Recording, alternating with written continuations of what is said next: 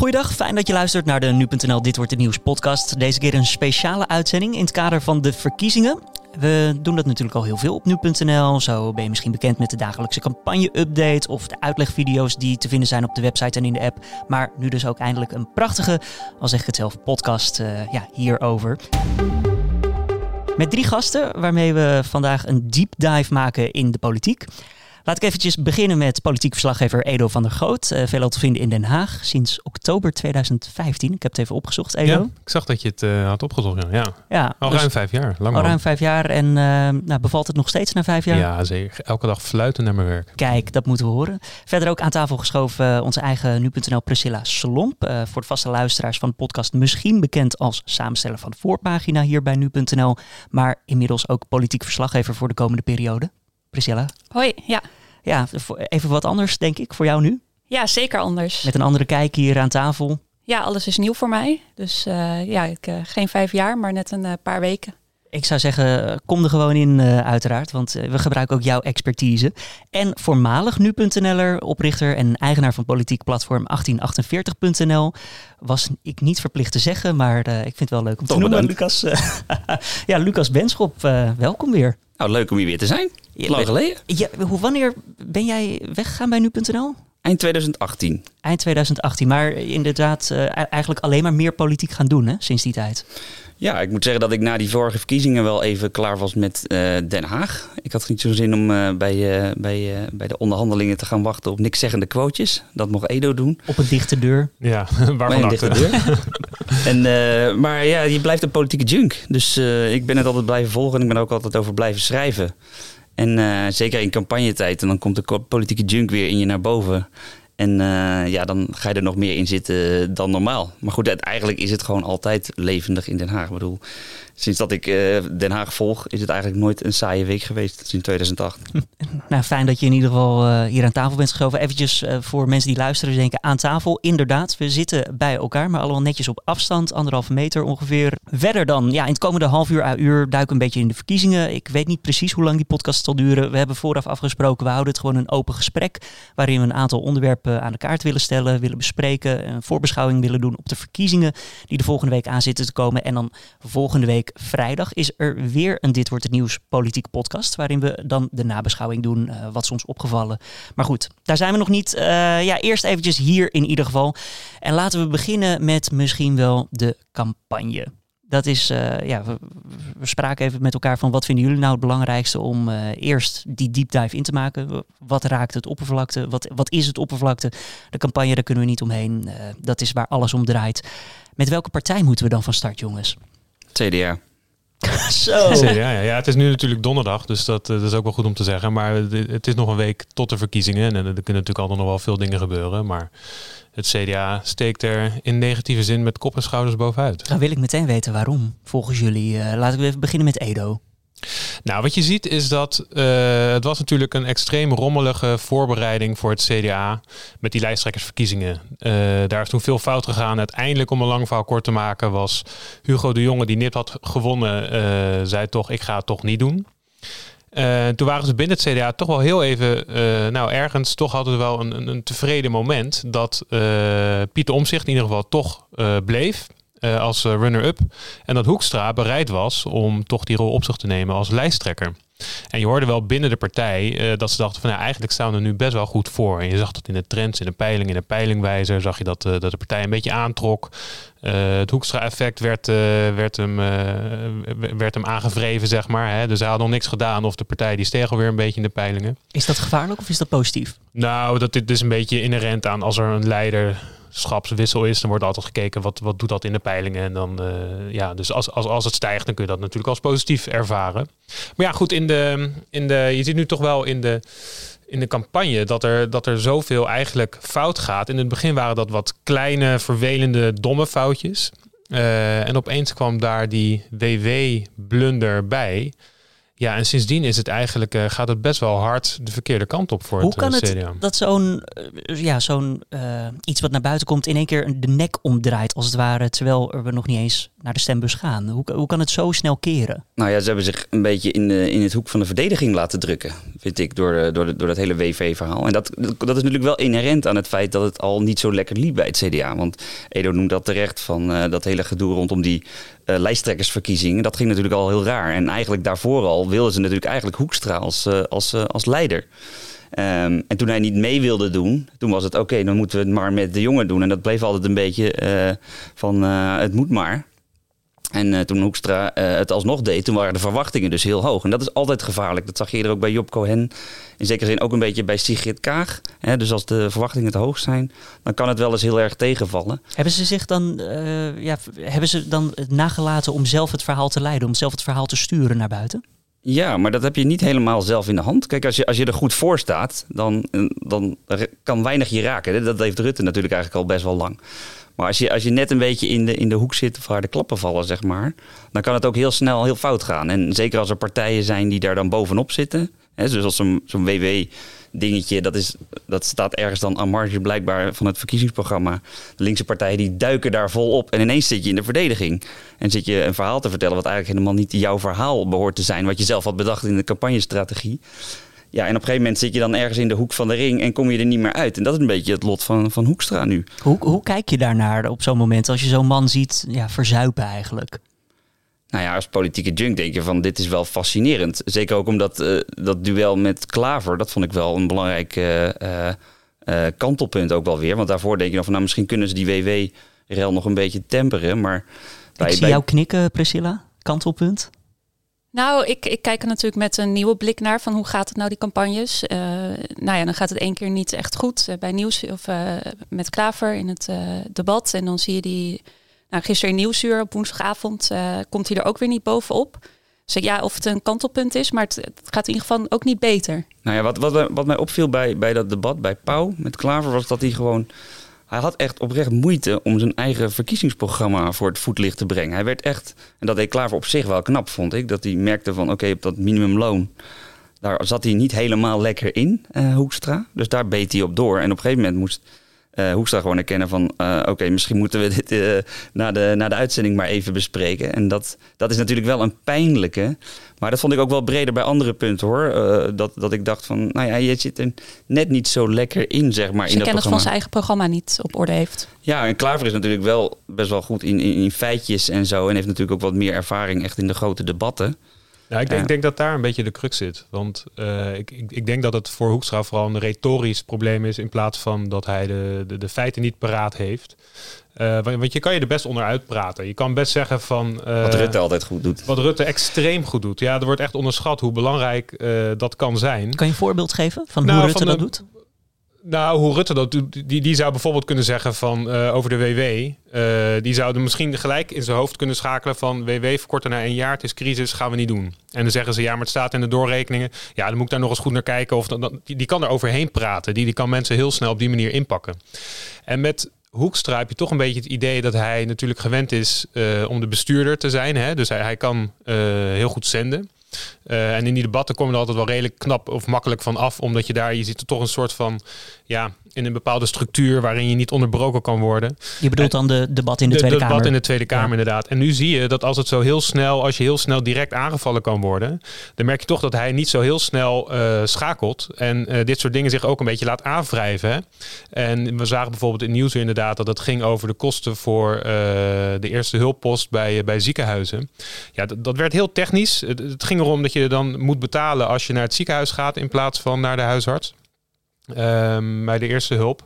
En hij ging daar zo mee in die, die details dat je, dat je merkte van hij, hij komt hier niet meer uit. Hij zit helemaal muurvast. Terwijl hij had ook kunnen zeggen van ja goed, dit is gewoon een punt voor. Hij, je kan ook zeggen uh, van ja, wij vinden dat een risico. We vinden dat mensen dat moeten betalen. Daar staan we voor, punt. Maar hij ging het half verdedigen. En half ontkennen. Ja, dan, dan zit je in de nesten. En als het dan wordt uitgezonden op tv, dan, dan heb je gewoon een probleem. We, vergroten dit natuurlijk. Hè? Tenminste, we, we, vergroten het niet, maar we leggen er na, nadruk op. Is zo'n debat dan eigenlijk nog wel ja, inhoudelijk interessant voor de kijker? Die dan opeens ziet van, hey, weet je, dit, dit ene punt, daarop is zo'n lijsttrekker blijkbaar niet goed ingelicht. Daarbij kan hij zich niet goed naar voren laten komen. Ehm, daar wordt wel een keuze op gebaseerd. Hoe, hoe belangrijk is zo'n debat dan? Ja, kijk, er zitten eigenlijk twee dingen aan. Ik denk dat, ik denk dat een debat wel kan helpen om verschillen tussen partijen duidelijk te maken. dus, uh, en dat is het ene concept werkt dan beter voor dan bij de andere. Ik denk dat grote lijsttrekkersdebatten werken steeds minder goed omdat er heel weinig tijd is. Dus dan komt het heel erg aan op snelle, snelle one-liners, weet je wel. En dat moet je dan heel erg goed instuderen. Dat vind ik wel het fijne van die, van die pauwdebatten. Die zijn in ieder geval wel lang. Hè? Dus dan, sta je echt met een, een uur echt één op één uh, met elkaar in de ring. Ja, je kan de inhoud iets, uh, ja, je kan wat verdiepen. Ja, je, kan, je krijgt echt meer de ruimte om, om de inhoud in te gaan. Maar dan nog is campagnevoeren ook heel erg uh, geen fouten maken. En ook heel erg scherp zijn. Wat ook terugkomt weer in het daadwerkelijke werk in de Kamer. Waar je geen fouten moet maken, want het kan je de kop kosten. Ja, en als je kijkt naar, naar het verleden, dan zie je ook wel dat sommige hele kleine, ogenschijnlijk hele kleine dingen, toch hele grote effecten hebben gehad. Hè? Dus dat, dat in 2012 Samson, die had toen een paar hele scherpe aanvallen op Rutte. Hè, van nu doet u het weer.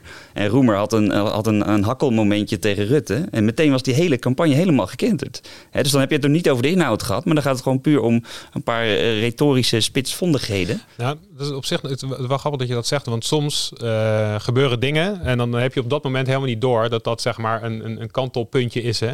Ik hoorde Jack de Vries, een bekend spindokter van het CDA, die, die had het over u draait en u bent niet eerlijk. dat was zeg maar Balken en de Bos momentje. Dat Balken, hem, Balken en de Bos dat aanwreef. En toen zei Jack de ja, dat, dat had helemaal niet zo heel veel tractie. Want in dat debat zei Geert Wilders namelijk, dat was het Radio 1 debat, van, uh, dat er een tsunami aan moslims naar Nederland zou komen. Daar uh, vloog iedereen op dat moment op.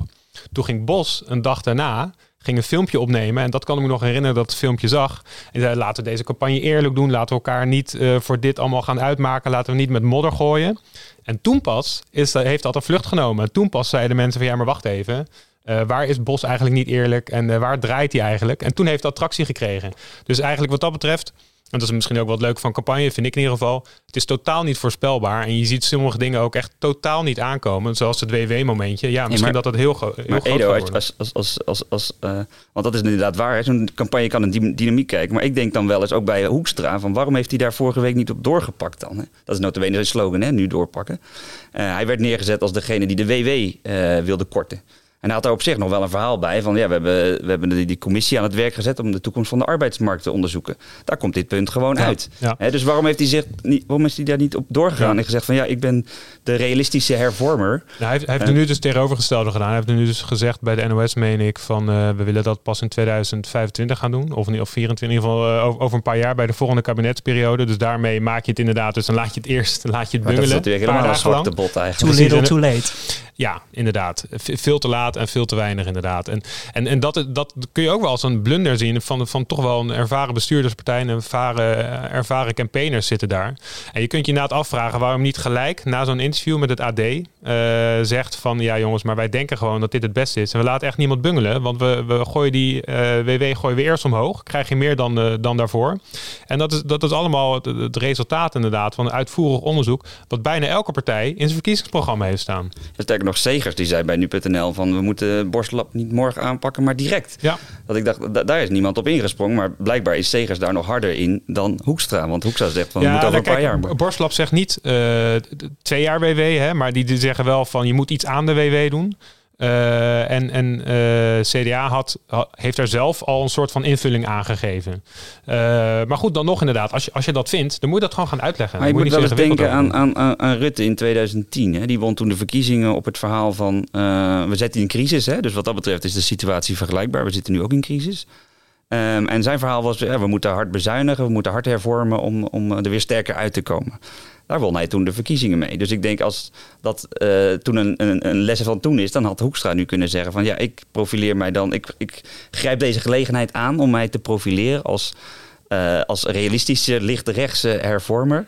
Uh, en dan heb ik in ieder geval iets waarmee ik me kan onderscheiden ten opzichte van Rutte. Want Rutte die staat natuurlijk torenhoog in de peiling, is bijna niet meer aan te tasten.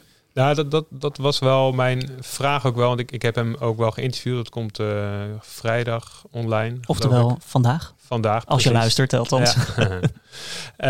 uh, ik, ik, ik heb me wel afgevraagd van waarop profileert Hoekstra zich nou? Hè? En uh, ik, ik had het idee voor zeg maar het WW-interview, had ik het idee dat hij zich vooral um, profileert als ja, de gezinsman. Uh, want daarin kan hij zich ook echt onderscheiden van, uh, van Rutte, de gezinspartij. Van de, degene die, die snapt hoe het is om met, met kinderen en met, met een partner te leven. En dat, dat is ook alles, een beeld alle balletjes een beetje in de lucht houden. Dat is ook een beeld dat geschetst wordt, toch? Door het CDA van dit willen ja. wij, dit willen wij naar buiten brengen. Ja, zeker. dan? Ja, nee, daar wordt heel erg. Ik bedoel, iedereen weet dat zijn partner Lieselot heet en dat hij vier kinderen heeft. En dat is prima. Maar ja, goed, als je dat heel nadrukkelijk in een campagne betrekt, dan krijg je daar natuurlijk ook vragen over. Dan gaan mensen ook bedenken, ja, maar waarom wil je dat dan eigenlijk? Uh, en, en, en dat is, ik, ik dacht heel erg dat, dat een beetje zijn verhaal zou gaan worden. Want inhoudelijk uh, kun je afvragen of kiezers gelijk dat verschil zien tussen het CDA en, uh, en de VVD. Maar eigenlijk is het halverwege de campagne ook een soort van gestopt. Dat hij zich zo is gaan profileren. Want hij heeft ook op een gegeven moment uitgesproken. Of ja, het werd een beetje te veel. Want ik werd er te vaak op aangesproken. Dus ik ben dat minder gaan doen. En toen dacht ik, ja, maar wat, wat is dan je verhaal ten opzichte van nou ja, dat de was een belangrijkste beetje, concurrent? Ja, inderdaad, je kan het niet eindeloos over Lieselot hebben.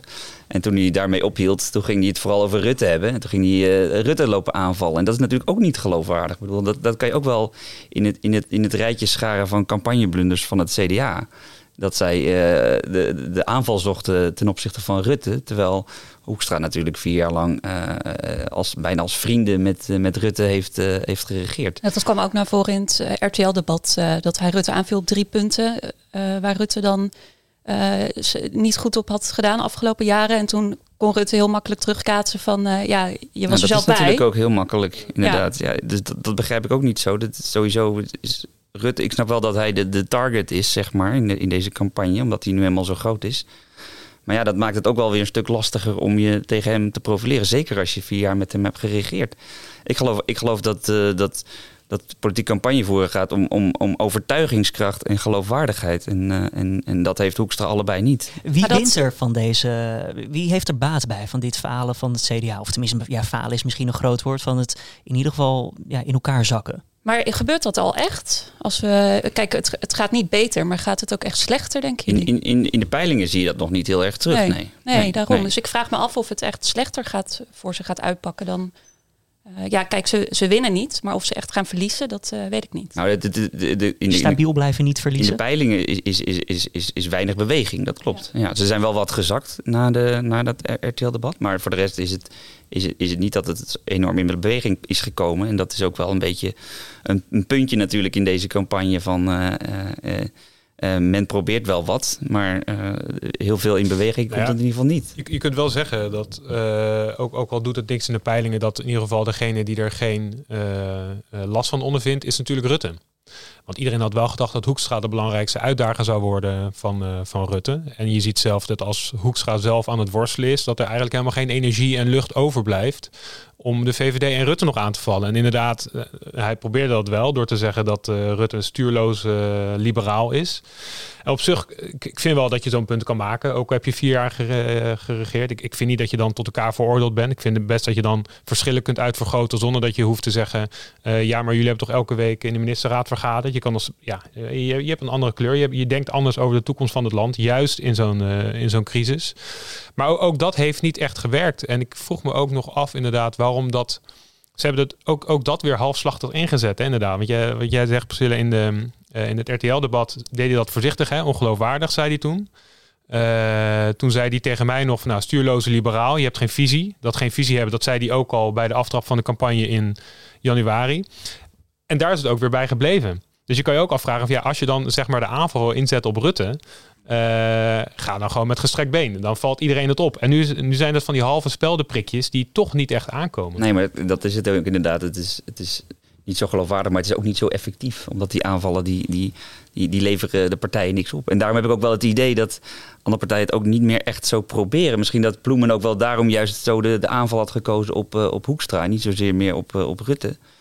Omdat... Als in van gewoon binnen mijn eigen aan de linkerkant en in het midden daar zoveel mogelijk winnen. En dan zien we of we op die manier de grootste kunnen worden tegenover de VVD. En dan misschien ook, een kans ook maken. Het, ook het coronadebat deze week. Um, daarvan werd ook nog wel gedacht van nou ja, dat, dat is een, een hele dag vergaderen. Hè? Een, een, een heel dag debat in de Tweede Kamer midden in het campagnereces. Dat is zeer ongebruikelijk daarvan dacht ik ook van nou, dat zou best kunnen dat daar nog wel partijen zijn die daar hun, uh, hun, uh, hun campagnemomentje van maken. Zeg ja, maar, ik had hoge verwachtingen gisteren. Maar het was, ik vond het echt een, een herhaling van zetten ten opzichte van het vorige. Zij debat tot nu toe zou kunnen zeggen. Zeggen jullie dan eigenlijk van dat ja, corona, de kwestie aan zich, niet heel politiek gemaakt wordt? Niet heel erg verkiezing gemaakt nou ja, het, wordt? Het is voor de andere partij niet zo opportun, omdat het alleen maar aan Rutte kleeft. dus als je als je, van, als je van corona een campagnethema gaat maken, dan is het al heel snel dat vooral Rutte daarvan profiteert. Als zo'n debat als gisteren heel erg in de aandacht zou zijn geweest.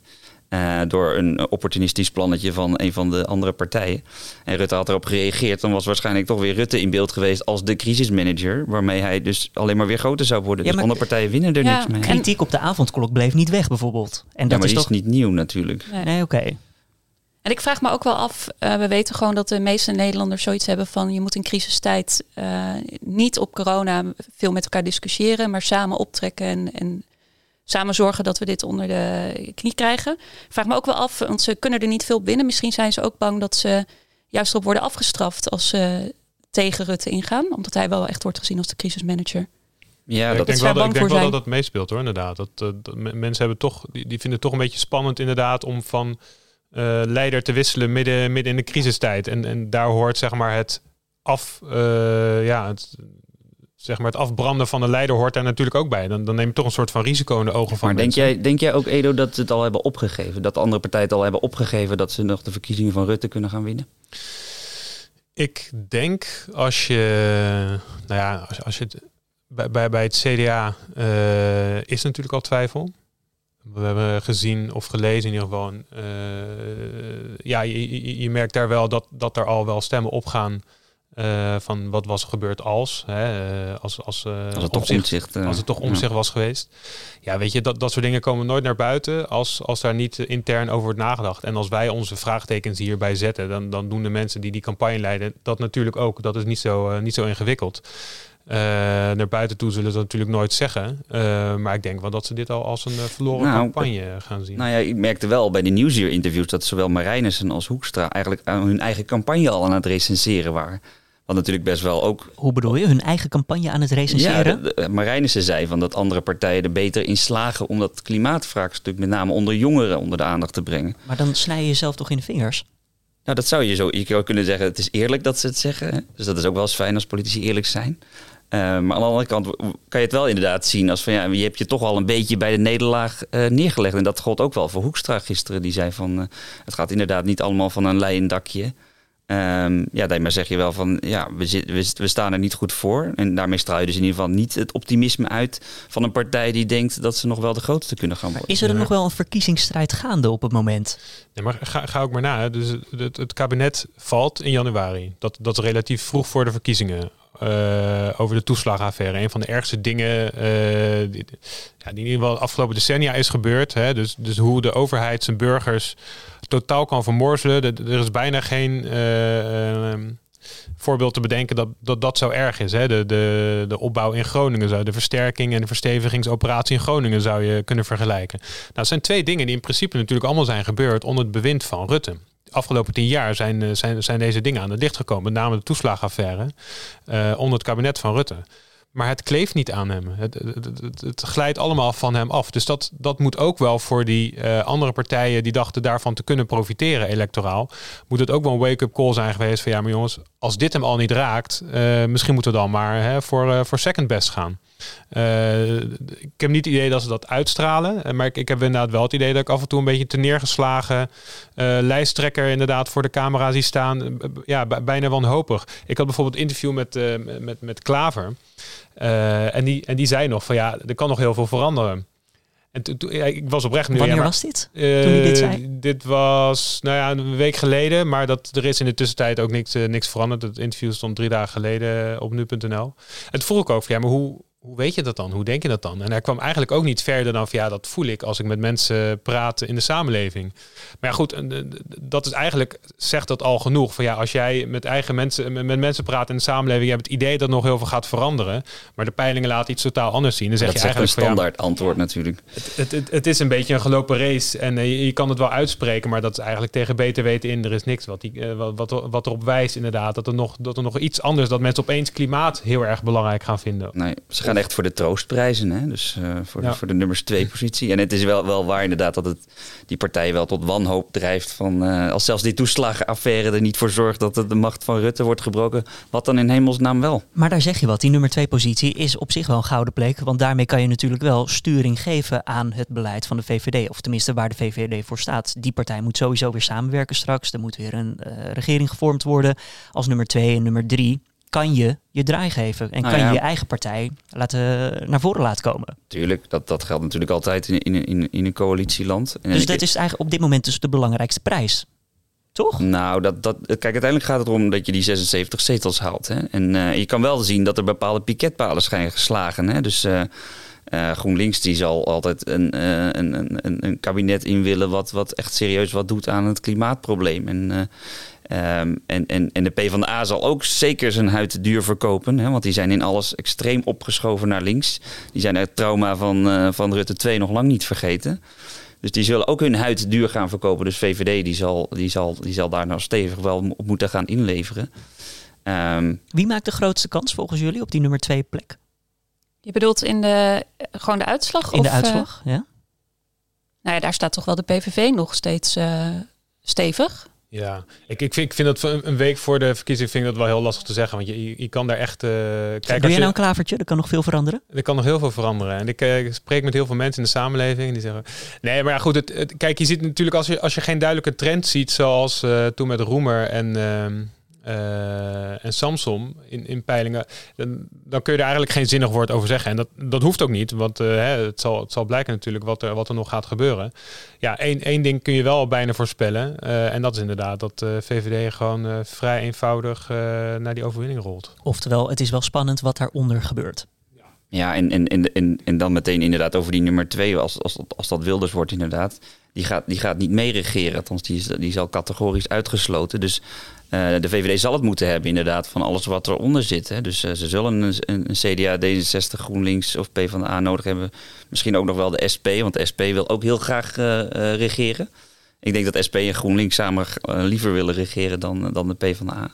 Dus eh, eh, dat hele formatiespel, dat wordt nu op de achtergrond wel al een beetje gespeeld. En er wordt wel gekeken van eh, waar liggen de kansen. En zo. Je merkt ook wel in de interviews. Ik had bijvoorbeeld een interview met Marijnissen. Eh, die, die zijn er ook echt wel mee bezig met hoe groot ze dan worden. Want hoe groter, hoe meer invloed je kan hebben aan zo'n formatietafel. Dus daar zijn ze ook wel heel erg op gefocust. Ja, van SP, ik vind het eh, toch wel heel interessant hoor. Die, die zijn al in de, in de campagne, was Marijnus al eh gekscherend de ministersposten aan het verdelen. Hè? Renske Leijten, bekend van de toeslagenaffaire en eh, jarenlang ook zorgwoordvoerder. Eh, die zou dan minister van Volksgezondheid moeten worden. Maar ja, ik, ik kan me ook nog in de vorige campagne herinneren dat eh, Emiel Roemer, de vorige SP-leider, die eh, had een interview met Pauw in september. En die zei toen al over de verkiezingen in de maart van het jaar daarna van eh, we gaan niet met de VVD. Terwijl toen was al duidelijk van ja, als jij het kabinet in wil, dan moet je met de VVD samen. Die had zichzelf al een half jaar voor de verkiezingen buitenspel gezet. Dat is natuurlijk echt een totaal andere ja, manier van politiek bedrijven. Door van tevoren al te zeggen van nou weet je, met ons kun je best wel zaken doen. En dat, dat zijpelde al een beetje door toen eh, SP een stikstofdeal sloot met het kabinet. Eigenlijk andersom. Het kabinet is naar de SP gegaan van willen jullie ons helpen? We hebben meerderheid nodig in de Eerste Kamer voor het stikstofplan. Het heeft de SP gezegd, ja, dat is prima, gaan we doen. En dat was eigenlijk tot ieders grote verbazing. Want SP heeft helemaal geen traditie van akkoorden sluiten met kabinetten. Eh, en helemaal niet met een nou, redelijk rechtskabinet met CDA en eh, VVD erin. Dus die, die, zei- die waren heel opzichtig aan het eh, voorsorteren inderdaad op regeringsdeelname. Dat is echt een koerswijziging voor, eh voor Ja, die en ik partij. denk, ik denk dat dat wel realistisch is inderdaad. Want ik, ik herkende dat ook inderdaad als een soort testcase. Hè? Dus de, die stikstofkwestie. Net als dat eh, het leenstelsel eh, in de vorige voor, eh, periode zeg maar een testcase was voor GroenLinks. Om te kijken of ze ook verantwoordelijkheid konden nemen. Ehm, Dus eigenlijk al voor de mensen die SP willen stemmen of daarover nadenken, u moet denken van er zit een mogelijkheid aan te komen dat zij met VVD willen samenwerken. Dat ze daar in ieder geval voor openstaan. Nou, Ja, ze, zeggen natuurlijk, eh, kijk, de VVD staat als laatste in de rij, eh, zegt ze dan. En dat, dat is ook wel logisch, want ideologisch eh, verschillen die partijen enorm. Daarom. Bij, bij de VVD gaan de, als je alleen naar de plannen kijkt, gaan de inkomensverschillen worden groter. De ongelijkheid wordt groter. Eh, nou, dat is natuurlijk een gruwel voor de, voor de spelers. Dus nooit meer akkoord gaan. Alleen, eh, ze, ze gooien de deur niet dicht. Nou, dat is al een hele ommezwaai. Ja, en, en kijk, voor, voor Rutte, Ru- Rutte die heeft inmiddels zoveel zelfvertrouwen dat hij dat die, dat die ook nog wel een coalitie met de SP eh, aan zou durven eh, en daarbij zijn achterban trotseren. Want ik bedoel, hij heeft nu met alle partijen zo'n beetje al in een coalitie gezeten. Dus waarom niet de SP? En zo zit Rutte ook een beetje in de Dan heeft ze een wedstrijd. hele, rijtje, hele lijstjes eh, klaar. Ja, die wil zijn hele bingo kaart vol. eh. Ja. En dan kan die daarna naar Europa toe. eh. Ja, dan moet hij dan maar gaan zien wat hij wil. Maar Ja, ik, voor de ik, klas, hè? ik denk dat eh, als je, als, je, als je dat formatiespelletje al een beetje wil spelen, dan, dan, dan, dan kan je wel invullen dat SP en GroenLinks heel graag willen. Hè? Die maken er ook nauwelijks een geheim van. Nou, de VVD zal nooit met, met, met zo'n linksblok willen zitten. Dat kan ook zeteltechnisch waarschijnlijk helemaal niet. Dus die zullen dan een D66 erbij halen. Nou, dan, zo, zo formeer je al geleidelijk aan naar een, naar een, naar een meerderheid toe. Jij noemt even een partij waar, we, waar ik het nog even verder over wil hebben. D66. Wat wil Volgens je mij valt dit nu eh, valt dit woord het eerste, deze naam, nu voor het eerst in deze hele podcast. We zijn bezig, nou, klein der- kleine 30 minuten. D66 is toch een partij die je misschien wel zou verwachten dat die het beter zou doen? Nou, ze, ze, ze zijn wel steady, vind ik, in de, in de campagne. En ik vind dat Kaag, eh, kan je wel zien dat zij eh, nou, niet terugdeinst voor een eh, pittig één op één gesprek. Eh, of het nou karakter is of ervaring als diplomaat, weet ik niet. Maar in ieder geval, die, die, krijg je, die, die, die lul je niet zomaar onder tafel. Dat Nee. is wel duidelijk. Ook in het gesprek met, met Mark Rutte. Ja, weet je, ze heeft ook onderhandeld met Assad. Dus wie, wie, gaat daar, wie, wie doet daar wat, zou je bijna zeggen. Maar weten ze zich voldoende te profileren als D66, als de partij waar zij voor staan? Ik vind wel dat zij wel het meest rustig blijft. Ze hoeft het minst te repareren, zeg maar. Dus dat zie je ook vaak in campagnes. Er gebeurt er iets en dan eh, zeggen ze een dag later van... oh, zo had ik het niet bedoeld. Nou, zeg maar eigenlijk alles wat met CDA nu gebeurt. Dat, dat zie je bij, het, eh, bij D66 helemaal niet. En eh, zij maakt wel een, een redelijke steady indruk. En ik vind ook wel dat zij wel een goede toon hebben gekozen van hoe je toch kunt afzetten tegen eh, het huidige leiderschap. Van hè, dus de, de leus van tijd voor nieuw leiderschap. En eh, ik, ik ben iemand die wel een visie heeft, want ik denk dat dat het beste is voor het land. En dan noemen ze een paar van die eh, sleutelpunten die voor, voor de partij belangrijk zijn, zoals onderwijs, innovatie, dat soort zaken. Dat is ook wel een beetje cliché D66, hè? Onderwijs. Jawel, maar het is, kijk, hadden het bij het CDA van, eh zij krijgen niet voor elkaar om hun boodschap te brengen. Ik vind dat D66 wel heel duidelijk het, de, de boodschap brengt. Kijk of zij daarmee eh, de tweede partij worden. eh, of dat ze het überhaupt goed doen in de, in de verkiezingen uiteindelijk. Dat, dat is afwachten. Maar ik, ik vind wel eh, dat zij wel een, een duidelijk verhaal hebben voor eh, de positie Ik denk, waarin zij ik denk wel dat het inderdaad waar is dat zij zich eh, beter dan verwacht misschien wel staande houdt in de debatten. En dat je ook duidelijk merkt dat ze bijvoorbeeld bij het RTL-debat heel stevig tegen Wilders inging. eh, van, eh, rondom die Zwarte Piet eh, Ja, kwestie. want we kenden haar niet in debatten. Dat het, we weten pas sinds twee weken hoe zij inderdaad reageert in dat soort situaties. Positief verrast allebei. Ja, in ieder geval niet negatief. Ja, dat is ook al heel wat. Ja, dat is een beetje Ja, cynisch misschien, hè? Maar, niet, niet negatief. eh eh, eh, Nou, ik vind- Edo wil ik zeggen, Lucas, sorry. Ik vind dat ze dat, dat, ze dat wel goed doet. Alleen ik denk wel dat de verwachtingen eh, aan het begin wel hoger waren bij, eh, bij D66. Priscilla? Ehm, nou, ik vind haar eh, wel duidelijk. En wat me ook wel opviel in bijvoorbeeld het RTL-debat, haar eerste de- debat, dat ze als enige ook echt een andere stelling durfde aan te nemen. Eh, dat wordt, zie je ook overal wat terug. Ja. Ja. Dus dan, dan val je wel ook gelijk op. Dus eh, dat vond ik wel, eh, dat ze daar wel duidelijke toon zetten. Maar ja, ze heeft zich natuurlijk wel een beetje gepresenteerd als, als echte premierskandidaat. Hè? Ja. Dus eh, ze wil echt heel graag premier worden. En dat is op zich een, een duidelijke ambitieuze doelstelling. Maar is het daar- ook niet verkeerd om alvast, als we het weer over voorsorteren te hebben, om misschien nu alvast die boodschap te brengen en dan misschien bij de volgende verkiezingen nog daarop door te zetten, of daarop door te duwen? Nou ja, bijvoorbeeld. Of, eh, Nou, wat jouw ik- woorden. Wat, wat ik bij D66 eh, een beetje merk, is dat... eh, kijk, Rutte is populair. Ook bij de achterban van andere partijen. Dat, dat, is, dat willen deze lijsttrekkers willen dat best erkennen off the record. Dus dat, dat heb ik wel een paar al horen zeggen. Dus Rutte heel erg afbranden, dat, daar zijn ze een beetje voorzichtig mee. En, en hij is sowieso... in- Binnen zijn eigen partij en eh potentiële electoraat zie je natuurlijk dat, dat zij de grootste zijn. Dus wat D66 volgens mij probeert, is niet zozeer eh, Rutte aanvallen. Maar meer van, nou weet je, je hebt het goed gedaan. Eh, maar het is misschien toch beter dat we jouw manier van leiding geven gaan veranderen. Dus tijd voor nieuw leiderschap. En ik moest opeens denken aan ehm, hoe Churchill de oorlog won. Uh, maar de verkiezingen daarna verloren. verloren. En ik, ik, ik heb een beetje idee dat ze dat proberen te kopiëren, als het ware. Dat ze dat nu ook zo zien. Hè. Ze zitten in een crisis. Uh, wordt goed gemanaged, hè. de manager. Uh, top dat je ons zo helpt uit de crisis. Maar we zetten wel even een ander poppetje neer om, om verder te varen. En ik, ik heb het idee dat ze dat beeld heel duidelijk proberen neer te zetten bij D66. We zullen het zien. althans, jij, jij ziet het al, maar we zullen zien wat het uiteindelijk voor effect heeft op de uitslag. Um, ja, volgende partij. Forum?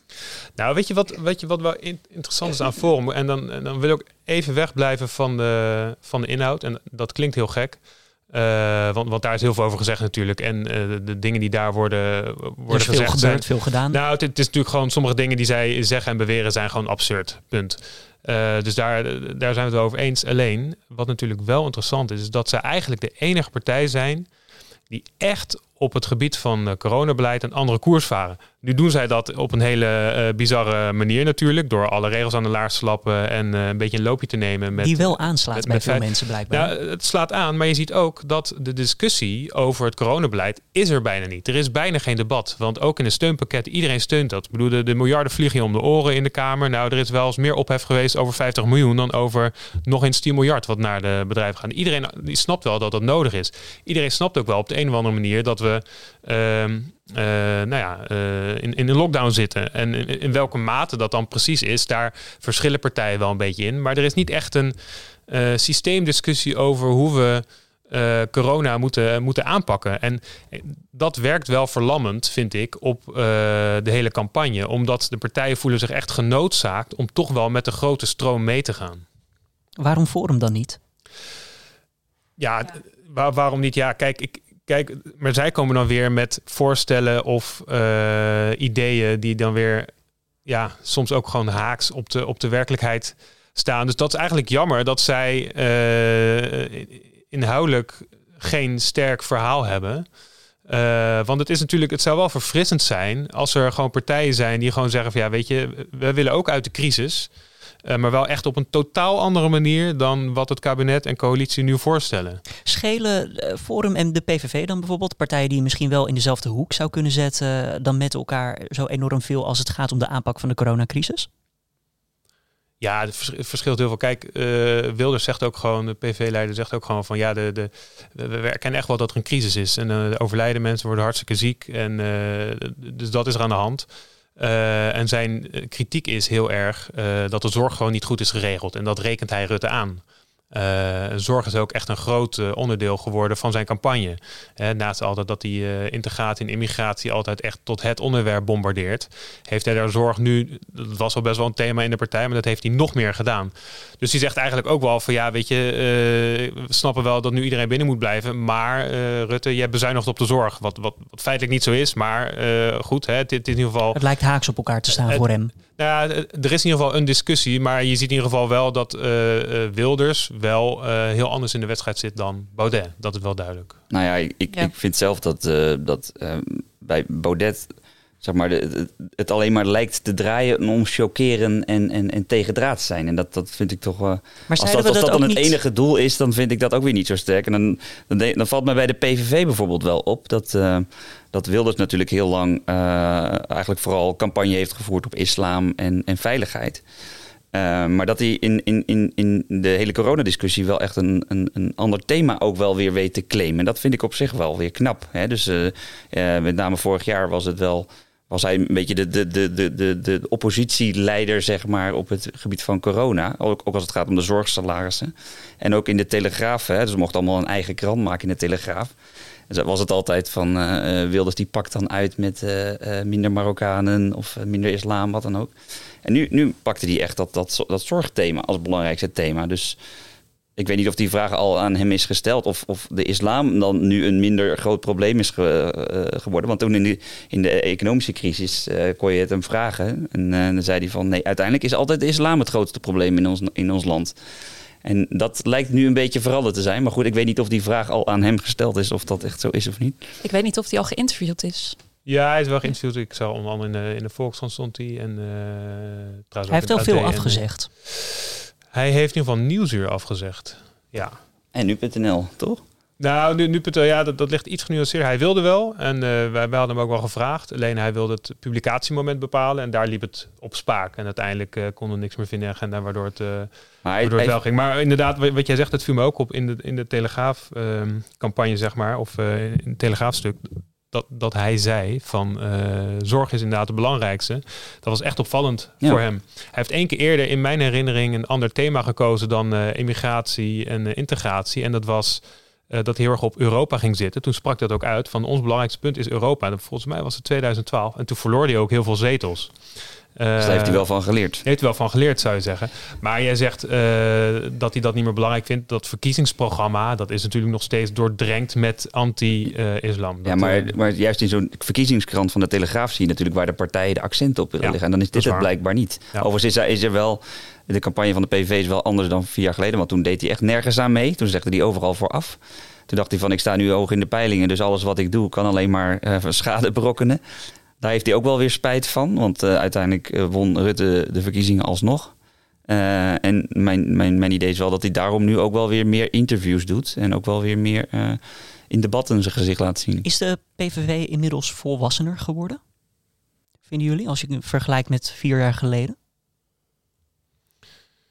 Ja, nou, volgens kijk, die, die partij bestaat natuurlijk al best wel lang. Ik denk nog steeds dat uh, die partij is Wilders en, uh, en vice versa. Ja, daar doe ik een beetje op, inderdaad.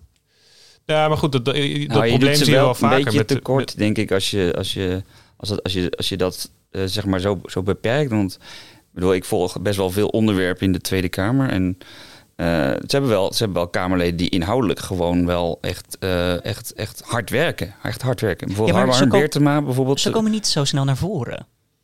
Ja, Nee, nee Geert, ik, Geert Wilders die deelt het podium in principe niet. Maar het, het, klopt wel hoor. Ik bedoel, ik geloof er is bijna geen partij die zoveel ervaren Kamerleden op de lijst uh, heeft staan als, als Zeker PVV. als je dat vergelijkt met Forum, die echt bijna niets in de Kamer hebben gedaan in vier jaar tijd daar vind ik wel moeilijk om daar dan zeg maar nog uh, wat, wat die Futselaar ook zei van de SP toen in het stikstofdebat. Ik vind het wel moeilijk om daar begrip voor te hebben. Hè? Eh, even los nog van politieke inhoud of zo. De PVV is er wel vaak bij, uh, bij debatten. Hè? Op de terreinen die ik volg, uh, onderwijs, woningmarkt en zo.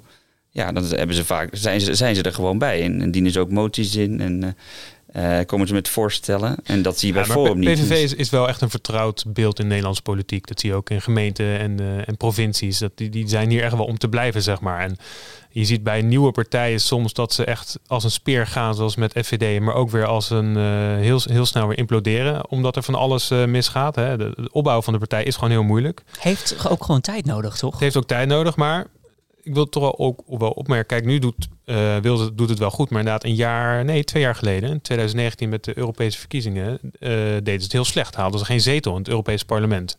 Uh, toen kregen Wilders de vraag van blijf, je, blijf je partijleider? nou, alleen al het idee dat hij die vraag kon krijgen was, was jarenlang eigenlijk ondenkbaar. Dus zo, zo snel kan het natuurlijk ook wel gaan. Hè? Zo, zo opportunistisch kan politiek natuurlijk ook wel zijn voordat ik naar mijn laatste vraag wil gaan, is er iets waarvan jullie zeggen van nou, ik wil dit nog even bespreken? Het is natuurlijk een open podcast. We doen dit de eerste keer, zo'n politiek uh, gesprek. Ik vind het hartstikke fijn gaan trouwens, laat ik dat ook even zeggen. Ik denk dat we redelijk de diepte ingaan. Is er iets waarvan jullie denken, nou, nou, dit mis ik nog? Nou, wat, wat, wat mij nog steeds wel, wel, wel verbaast, is dat, uh, dat, dat links eigenlijk zo klein is geworden. Ja, dus, uh, komt dat, nou laat ik zeggen, waardoor komt dat? Laat ik het vragen ja, dat is aan jou. Een goede vraag. Uh, nou ja, dat, uh, dingen gaan snel soms in de politiek. Hè. De, de versplintering is enorm toegenomen. Um, want bijvoorbeeld als je het vergelijkt met 2010, hè, toen haalde Job Cohen, hè, dus wie kent hem nog, P van de A-leider toen, 30 zetels geloof ik, hè, met, de, met de P van de A toen, vlak, vlak achter de VVD van Rutte. Nou, daar zouden ze nou op links zouden ze daar allemaal een moord voor doen voor 30 zetels. En, en ze komen allemaal met, met pijn en moeite komen ze boven de 10 zetels uit. En ze gezamenlijk hebben 30. Ze. Hm? Ze zijn samen ongeveer 30. Ja, precies. Als ik van buitenaf, ik bedoel, ik terwijl, vrij weinig, ja? terwijl ze dus uh, vier jaar oppositie hebben kunnen voeren tegen een centrumrechts kabinet. Met CDA, VVD en ChristenUnie. Zijn ze versplinterd en dat daardoor ze eigenlijk het tegen elkaar opnemen in plaats van tegen de, rechtse, de centrumrechtse kant opnemen? Ja, er zijn wel echt pogingen gedaan om uh, linkse samenwerking van de grond te krijgen. Maar het is, het, is gewoon niet gelukt. Want je ziet uiteindelijk toch dat die drie partijen, die, die willen toch onafhankelijk van elkaar groot worden. En kijk, Klaver, dat is ook weer heel typerend. Jesse Klaver van GroenLinks, die, die heeft heel opzichtig... Uh, nou goed, hij heeft gewoon uitgesproken... ik wil alleen maar gaan regeren met uh, eh, SP en PvdA en D66 erbij. Dus die Daar hebben we weer zo'n uitsluitsel van tevoren. Nou ja, in ieder geval van we willen als links-progressief blok in een kabinet gaan zitten. Dus die heeft ook de, de namen van die partijleiders, van die lijsttrekkers op, uh, op zijn poster laten zetten. Hè? Dus dat is best wel een vergaand iets om te laten merken, ik wil echt links gaan samenwerken. Uh, en eigenlijk het grootste nieuws van die actie was dat die andere partijen daar eigenlijk niet per se op zitten te wachten.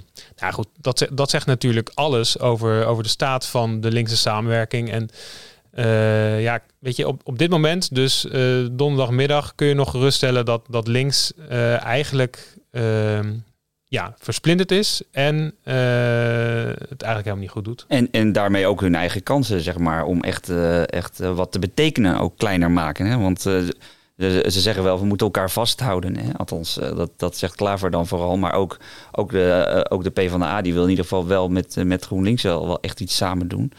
Um, en als je, als je, als je, dat, dan, als je dat dan echt, echt, echt graag wil, zeg maar, echt op de inhoud gewoon echt iets wil, betekenen. Uh, dan, dan kan je zomaar wel een belangrijk blok vormen tegen, tegen Rutte. Want als je inderdaad die zetels bij elkaar gaat optellen, dan kom je al wel weer een beetje in de buurt van, uh, van de VVD. Hè? Maar goed, dan moet je wel echt een serieus massief blok gaan vormen.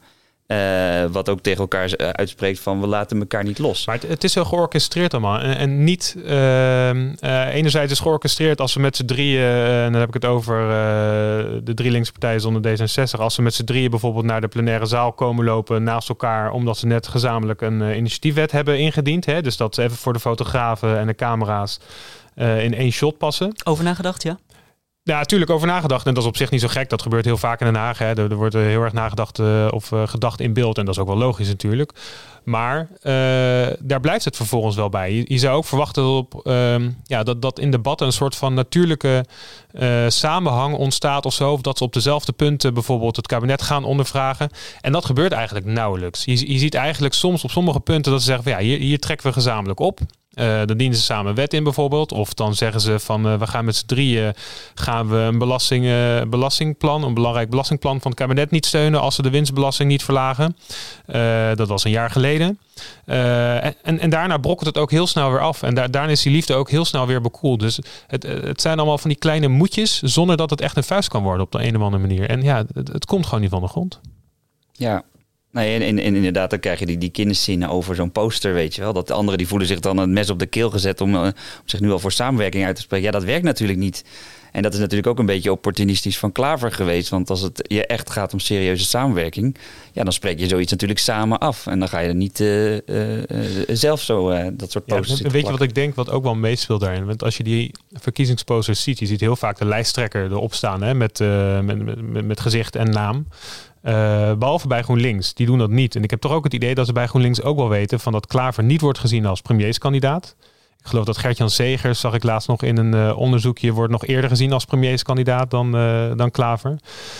En zijn kracht is misschien toch een beetje het verbinden. Hè? Dat, dat hoor je hem vaak zeggen. dus is toch iemand, een, een, beetje de likable guy af en toe hè? In, het, in het parlement. Als je hem ziet debatteren. Hij kan natuurlijk wel scherp zijn, maar je ziet ook dat hij innemend probeert te zijn. En ik denk dat ze dat bij GroenLinks ook wel weet van ja, wij gaan niet scoren op uh, premierskandidaat, maar we gaan wel scoren op de samenwerkingskandidaat. Dus, dus dat vond ik eigenlijk ook wel opvallend van, uh, van GroenLinks, dat ze die weg zijn ingeslagen. Ja, maar goed, als je daar dan echt een profileringsding van maakt, ja, dan maakt dat maakt het de, de kans op samenwerking natuurlijk niet per se groot. Nee, het is, het is een beetje armoede. Nee, natuurlijk, ja, klopt. Ja. Zeg als laatste vraag van mij. 37 partijen die doen mee. Deze verkiezingen, een enorme lijst uh, moeten we krijgen. Ik heb hem trouwens nog niet in mijn brievenbus gekregen. Jullie wel? Nee. Ook niet? Jij wel? Zijn het er zoveel? 37 partijen. Ik weet niet. Waarschijnlijk krijg je gewoon een pakket thuis geleverd om uh, te kunnen kijken op wie je kan stemmen. Um, maar een heleboel nieuwe kleine partijen. Welke kleine nieuwe, of nou, welke nieuwe partij maakt volgens jullie denk je de meeste kans op minimaal één of meer zetels? En Priscilla, je hebt daar... Uh... Ja, ik heb, uh, gisteren heb ik met wat uh, nieuwe partijen gesproken. Vanmiddag ook nog eventjes, uh, donderdagmiddag dus.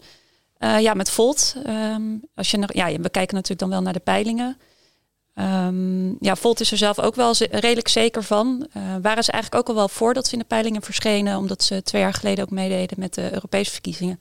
Toen hadden ze meer dan 100.000 stemmen, was te weinig voor het Europees Parlement. Als je dat vertaalt naar de Tweede Kamer, dan uh, is dat ook zeker een zetel. Dus die waren zelf ook al wel redelijk zelfverzekerd. En ja, als je het over een campagne hebt die goed valt, dan valt bij hun toch redelijk alles wel uh, hoe ze het zouden wat, wat, wat, wat, valt je op aan die campagne? Want je, je hebt, uh, heb je die fractievoorzitter Ja, ik heb, Laurens? ja, Laurens heb ik gesproken. Um, ja, ze doen veel, veel digitaal. Ze, ze, hij gaf ook wel toe dat ze natuurlijk een partij zijn die vooral veel jonge kiezers trekt. In, in stedelijk gebied op het moment. Heel um, Europees. Ja, heel Euro ja, Europees. Nederland overstijgend. Dus ja, dat, dat trekt wel weer een nieuwe groep jongeren aan. Um, dus, uh, maar ook, hij zei ook wel, toch ook wel wat ouderen. Uh, juist weer de oudere generatie, die is opgegroeid met de, het, het, ontstaan van de Europese Unie. Dus daar zetten ze ook wel op in. En um, ja, dat, dat lijkt toch wel een soort momentum te zijn voor een nieuw geluid. Dus die, uh, daarvan ben ik eigenlijk wel zeker dat die. Uh, ik weet niet hoe jullie daar naar kijken. Maar... Ja, je weet nooit iets zeker nee. natuurlijk. Maar blijven peilingen. De, maar... de Volt is wel interessant inderdaad, omdat ze zo'n zo'n goede online campagne weten ja. te voeren. En natuurlijk ook qua partijstructuur anders zijn dan de anderen, omdat ze een pan-Europese partij zijn. Hè? Dus ze zijn in alle lidstaten actief, werken met een soort kaderprogramma. Ja. Uh, uh, en in die, die, zin is dat ook wel interessant te zien. Uh, hoe werkt dat dan? En zeker ook als, daar, als zij ooit eens uh, regeringsverantwoordelijkheid zouden gaan nemen. Heb ik ze ook naar gevraagd hoe dat dan werkt. Wat zeiden ze? Ja, dat wisten ze eigenlijk nog niet. Oh. Als dat plaatsvindt, moeten ze nog overleggen hoe dat, hoe dat eigenlijk in zijn werk dan zou moeten gaan. we even met het Europese hoofdkantoor ja, bellen? Ja, wel op Europees niveau gaan kijken hoe, hoe kun je dat nou doen. O, ook wel weer zo'n eerlijk antwoord maar van de partij. Echt, echt, een nieuw geluid, heb ik het idee. En dat, dat, dat, is, wel, dat is wel verfrissend. Maar, Geld, hetzelfde geldt misschien een beetje voor bijeen, die ook misschien de Kamer inkomt. Ja, ja, die moet ik nog, uh, daar ga ik nog mee spreken. Maar die nou, je, ook, je zag wel, zeg maar, wat ik een beetje kan herinneren van de voorgaande jaren, is dat er heel veel partijtjes die staan dan, dan op nul of één zetel en zo. En vaak is het wel echt lastig om dan net die drempel over te gaan om een zetel te halen. In, in bijvoorbeeld in 2017 uh, was ook VNL, werd ook veel genoemd als partij uh, die wel een zetel zou gaan halen. Die haalden het niet. En Baudet wel. En dat was op zich wel knap. Dat hij meteen twee zetels haalde. Dat is voor ja. een nieuwe partij echt best wel, best wel wat. Maar ik zou het van bijeen en bijvoorbeeld een code oranje... die je ook wel veel terug ziet komen... ook echt niet durven stellen hoor. Of, of zij het redden. Maar ja, code oranje heeft denk toch, ik niet. Uh, twee jaar geleden... Je hebt altijd heel veel van die splintertjes op rechts. Hè? Dus ja. Code Oranje is daar ook één. En ik denk dat dan eerder uh, Joost Eertmans nog een zetel haalt dan uh, Code Oranje. Is dat dan misschien ook ja, de, door de kracht van de VVD komen nieuwe partijen aan de rechterkant van het politieke spectrum er moeilijk bij? Nou ja, goed. Kijk, ze, ze, hebben zelf ook wel in de afgelopen jaren ook wel redelijk geworsteld met een aantal thema's om toch een beetje te kijken van hoe kun je bepaalde flanken nou echt afdekken. En je ziet dat ze uh, naar economisch, uh, sociaal-economisch redelijk naar ja, een beetje naar links zijn opgeschoven. Niet helemaal hoor. Ze willen de bijstand bijvoorbeeld nog steeds bevriezen. Uh, ongelijkheid groeit, zoals we al eerder gezegd. Maar je ziet wel uh, cultureel dat ze dan wel behoorlijk rechts willen blijven. Uh, en af en toe zo'n ja, zo, zo'n bommetje laten vallen door even te laten zien van kijk, wij zijn er ook nog uh, PVV-stemmers en FVD-stemmers. de pleur op, rot op, dat soort uitspraken. Dat is echt natuurlijk naar de twijfelende PVV slash VVD-kiezer gericht. Um, en en die, die spelen dat wel slim uit hoor. Ik, ik heb wel iemand, een politicoloog, daarover gesproken. Uh, die, die, zegt ook, um, uh, ja, uh, Rutte, de VVD, die, die, weet heel goed hun kernkiezers bij elkaar te houden. en, en zeg maar de, de schil daaromheen, en de, dat heb je natuurlijk bij elke partij, weet ze ook aan zich te binden zonder dat ze die kern echt uit het oog zonder dat ze hun vergeten, zeg maar. En eigenlijk zegt hij, eigenlijk is de VVD op dit moment de enige brede volkspartij, zou je kunnen zeggen.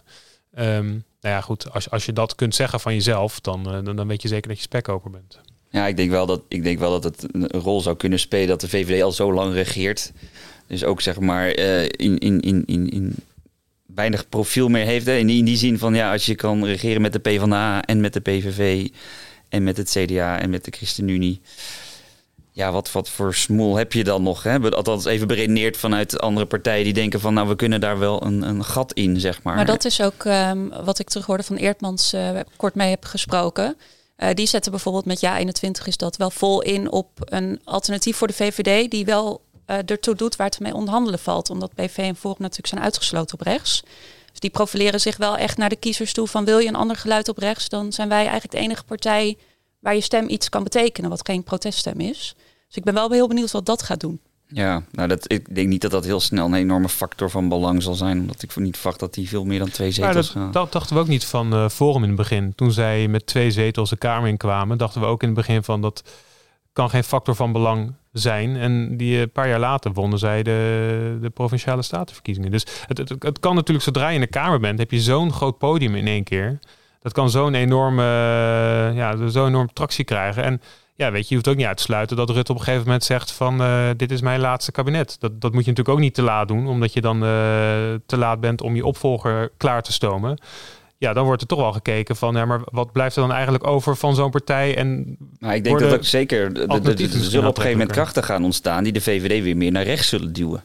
Omdat uh, zeker als de, de volgende coalitie een stuk linkser van signatuur zal zijn en helemaal als, als, als Rutte vertrekt en zeg maar daarmee ook de hele basis voor de electorale kracht van de VVD verdwijnt ja, dan ga je, dan ga je weer een, een krijgen binnen VVD. En dan willen, dan willen de achterban ineens weer van... we willen weer een herkenbaar geluid. We willen weer uh, de oude VVD eh, van uh, toch wel een duidelijk rechtsgeluid. Hè? Misschien ook wel inderdaad wat meer economisch rechts ook weer. Ja, en dan krijg je dat weer. Alleen nu is Rutte zo populair dat dat soort interne discussies zijn er helemaal niet dus uh, iedereen vertrouwt gewoon op Rutte en doe maar gewoon je ding. En, uh, en uh, we merken wel met wie we straks gaan regeren. Maar goed, nu zitten we, zoals Rutte zou zeggen, vier spades diep in de analyse. Eerst verkiezingen, dan uh, formeren en dan. Uh, ja, hè, ja. Dan, dan maar dat zij dat soort gesprekken ook wel hebben hoor. ja, zeker. zeker. Nou, volgende week vrijdag in ieder geval weer een politieke Dit wordt het nieuws podcast hier op nu.nl. Laten we hopen dat er dan in ieder geval voldoende bekend is over de uitslag. Uh, ja, we weten natuurlijk niet hoe lang het zal duren, maar de verwachting is gewoon donderdag alles bekend. Maar hè, het zit allemaal net even wat anders. Briefstemmen hebben we nu ook weer in Nederland erbij gekregen. Mocht het allemaal bekend zijn, dan verwacht ik een uitgebreide, diepgaande analyse van jullie drie die we hier horen vrijdagochtend. Mocht het uh, toch iets minder bekend zijn, nou, dan gaan we gewoon speculeren. Laten we dat ook vooral doen, want dat is ook altijd leuk en interessant. In ieder geval dank voor het aanschuiven nu. Edo van een Groot, politiek verslaggever. Priscilla Slom, politiek verslaggever. En Lucas Benschop, oprichter en eigenaar van 1848.nl. En um, ja, dit was hem dan voor deze, deze keer. Heb je nou tips of feedback voor ons? Heb je vragen voor deze drie helden die hier zijn aangeschoven? Laat het even weten via podcast.nu.nl. Mijn naam is Julian Dom. Ik vond het hartstikke gezellig om deze ochtend een keer... Uh, ja, bijna een uur lang met jullie uh, ja, te mogen doorbrengen. Normaal gesproken zeggen ze altijd na 15 minuten afkappen. En nu hadden we een vrije tijd en daar hebben we gebruik van gemaakt. Dank voor het luisteren en tot volgende week.